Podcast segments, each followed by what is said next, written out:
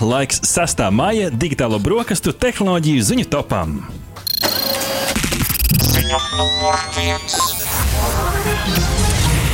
Pirmā ziņa - digitālais brokastīs varbūt pat nedaudz amizanta. Pirmo reizi satelīta tehnoloģijas pielietotas, lai noteiktu metāna emisijas no govju atraugām. Kādā Kalifornijas govju fermā zinātnieki izmantoja trīs GHG satelītus, pēta, kā lopkopībā šajā gadījumā govis ietekmē globālo klimatu.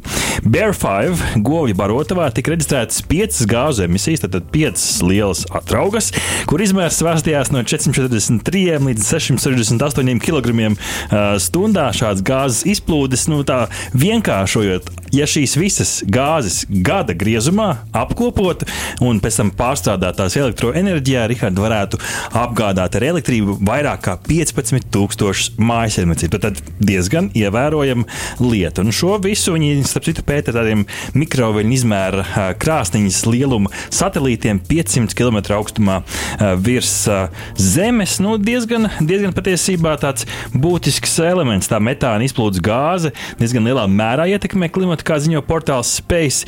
Un govis, kā aprēķināts, pasaulē izdala 3,7% no visām gāzu emisijām. Nu, varbūt ne ļoti būtiski, bet tomēr.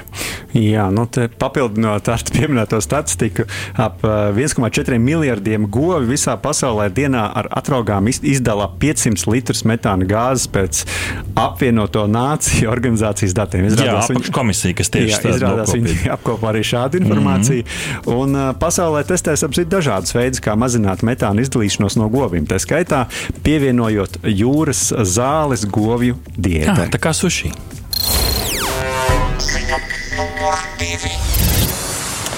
Pēc aptuveni trīs gadu ilgas gatavošanās pirmo reizi kosmosa izpētes industrijā helikopters ir noķēris gaisā krītošu raķeti. Rocket Lab, kas ir mazo satelītu palaišanas uzņēmums, testēja jaunu raķešu procedūru, kurā raķete uziet gaisā, palaiž satelītu, un kas notiek, protams, pat šī raķetes sistēma krīt atpakaļ Zemē. Gravitācija, loģiski.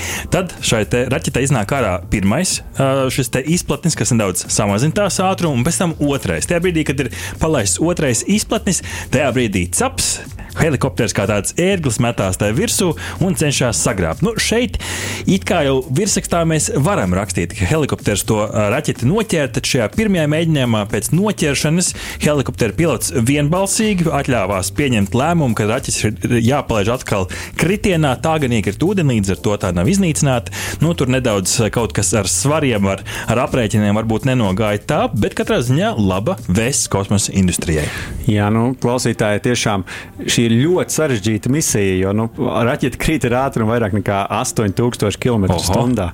Un nu, tā ļoti, ļoti arī uzkarst šī procesa laikā. Bet no otras puses, nu, mēs jau esam daudzkārt arī ziņojuši, šī raķešu atkal izmantošana vai atkārtot izmantošana, nu, pirmkārt, uh, ietaupa daudz līdzekļus, mm -hmm. Līdzekļu, un par skaļāko pionieru šajā lauciņā savulaik nu, ir izvirzījies Ilons Masks ar mm -hmm. savu SpaceX SpaceX uzņēmumu, kur, kur raķetes mūsdienās jau spēj autonomi nosēsties tām speciāli mm. paredzētās nolaišanās platformās. Ziņa numur 3. Pēc kā Rikārda pagodu 4. maijam May the 4th be with you, bet uh, trešajā ziņā Techchill ar jaunu uzņēmumu uh, Vocal Image App uzvaru ir noslēdzies Baltijas lielākais jaunu uzņēmumu tehnoloģiju pasākums Techchill 2022. Un šī konkrētā uh, komanda, tās lietotne ir balss treniņu rīks, kas iegūst 10 000 eiro balvu bez saistībām un arī no Depo Ventures 150 000 eiro. Tad būtisks, būtisks atspērienu solis jauniem uzņēmumiem. Šeit, šie gan nebija, protams, vienīgie tehnoloģiju uzņēmumi, kas piedalījās. Pusfinālisti pavisam bez šiem bija pieci jaunu uzņēmumi. Bez iepriekš pieminētajiem uzvarētājiem piedalījās arī TerraWaste no Latvijas, kas piedāvā izmantot inovatīvu tehnoloģiju atkritumu pārstrādāšanai. Hey Booster no Igaunijas, kas strādā pie mākslīgajā intelektā balstīta mārketinga kampaņu vadības rīka. Tad bija arī CodeG no Lietuvas, sadarbības platformu komandām, kas veido programmatūru, un Latvijas un Luksemburgas vienotā komanda Mission Space, kuri nodarbojas ar kosmosa laikapstākļu novērošanu, kā ziņo portāls Delfi. Tāds plašs ideju klāsts. Jā, nu, katrā ziņā liels prieks, ka Latvijā notiek šādi pasākumi un uh, jaunu uzņēmumu konkursā 50 Founders uh, Battle šogad bija pieteikušies vairāk nekā 200 jaunu uzņēmumu no visas pasaules. Starptau, starptautiska eksperta žūrija sākotnēji atlasīja 50 no šiem 200 mm. jaunu uzņēmumiem un ņemot vērā tādus kritērijus kā uh, risinātās problēmas nopietnība, komanda, līdzinājā rezultāti un iespējas ideju mērogot, arī noteica, kas būs 50 uh, dalībnieki, kas piedalīsies Tekčilā. Man katrā ziņā patīk tas, ka šī ideja dažādība nav tikai viena konkrēta lieta, ir gan platforma, te ir kaut kas tieši uz zaļo virzienu, kas pasaulē ir būtisks. Tādā ziņā patīkam redzēt, ka nav uzsēdušies uz vienu, un tā dažādība patiešām ir laba. Un šādi konkursi katrā ziņā, kā tu teici, veicina šo jaunu uzņēmumu attīstību, kas ir viens no veidiem, kā Latvija var izcelties, eksportējot arī dažādas preces un pakalpojumus. Gaidām nākamo vienradzi. Ziņa numur 4.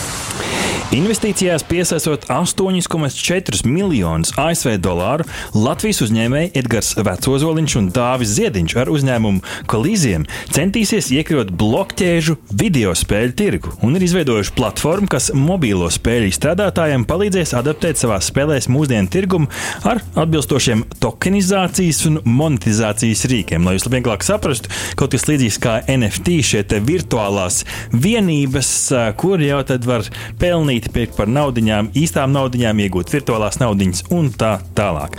Kolīzijam ir platforma, kas mobilo spēļu izstrādātājiem piedāvās dažādus rīkus, lai tie var pielāgot uh, savas spēles šiem nākotnes principie, uh, principiem, pieminēja NFTs, uh, tokens un citas monetizācijas opcijas. Un šī platforma nodrošinās, ka ik viens spēļu izstrādātājs pat bez vērā ņemamām zināšanām par blokķēdēm varēs integrēt attiecīgos mehānismus savā spēlē. Tā teikt, nu, ja tev ir spēle, bet tu nezini par blokķēdēm, viss kārtībā, ir variants. Jā, prieks, ka tieši arī no Latvijas uh, nāk šādas inovācijas arī blokķēžu tehnoloģijās. Un uh, par šiem uzņēmējiem jau iepriekš esam citu stāstījuši. Viņi bija tieši tie, kur izstrādāja mobilo spēli slavenajam cīkstonim Konoram ah, Gregoram. Tāda lieta bija kādu laiku atpakaļ. Tā kā laikam tas veiksmības ceļš turpinās un cerams, ka kādu dienu latvieši būs tie, kas būs ielikuši pamatu arī virtuālām naudām video spēlēs. Ziņa numur 5. Un visbeidzot, pēdējā ziņa šajā rītā Latvijas vadošā e-sporta Counter-Strike Global Offensive, jeb CSGO komanda Volsung, ir piesaistījusi ģenerāla sponsoru spēlēt LV Gaming e-sporta organizāciju. Un ar tās palīdzību Volsunga CSGO spēlēšanu varēs nodrošināt kā savu pilna laika nodarbi, nosacot, nu, tā skaitā treneru un spēlētāju algas, dalības izmaksas turnīros, pielāgot pat treniņu zāli gan e-sportam, gan nemazāk svarīgi arī fiziskajiem treniņiem. Ja kāds nezina, kas ir Volsunga, Volsunga tika radīta 2015. gadā, protams, ar mērķi cīnīties Latvijas, Baltijas un gan arī pasaules līmenī. Un tās kontā šobrīd ir gan uzvaras Baltika e-sports līga, gan ESEA Advanced līgā, un 4. vieta arī Fantasy Expo EU Champions Spring 2022 Europe slēgtajā kvalifikācijas turnīrā. Un, protams, komanda, ja ir komanda, tad ir mērķis, un tuvākās nākotnes mērķis ir iegūt, iekļūt šajā HLTV top 30, jeb 30 labāko komandu rangā, un arī ESEA konferences, jeb tās augstākajā līgā, kā raksta portāls Delphi. Aicinām noklausīties mūsu 2000, šī gada 22. aprīļa digitālās brokastis, kurās pie mums, starp citu, viesojās divi Volkswagen komandas pārstāvji. Uzzinājām daudz vairāk par profesionālas e-sporta komandas ikdienu, tā skaitā, vai ar video spēlēm var pelnīt iztiku. Un es ceru, ka viņiem tas izdosies un Latvija iegūs vienu profesionālu e-sporta komandu. Nu, Cits starpā, Rihard, runājam arī par to, kā uzturnēt savu mērķi, jeb angliski sakot, žargonā eimu. Tā kā gan jau arī jaunajiem censoņiem būs interesanti dzirdēt arī šī, šos noslēpumus, ko kungi atklāja arī mūsu podkāstam. Bet katrā ziņā prieks redzēt, ka šī attīstība turpinās, ka Latvijai arī sava e-sporta komanda, protams, cilvēki no malas varētu domāt, nu, kas tas par sportu, bet tomēr tur ir sacensības gars, tur ir komandas elements. Arī nopietni treniņi. Nopietni treniņi, tas viss vairs nav pa jokam. Tā kā, ja kādu dienu jūs jaunā atvas saka, mamu, es būšu Counter-Strike Global Offensive šajā pasaules komandā, tas jau varētu būt par vienu soli tuvāk, jo redz, mums ir sava pirmā komanda, un kur pirmā, tur būs arī gan jau ka arī kāda nākamā komanda. Šāds tehnoloģiju ziņu top 5 šajā rītā. Aha! Paldies, ka noklausījāties mūsu līdz galam! Ja patika, uzspiediet laiku, atstājiet komentāru vai padalieties ar draugiem. Un nobaudiet arī citas epizodes, kā arī sekot mums, lai nepalaistu garām savu ikdienas tehnoloģiju ziņu devumu.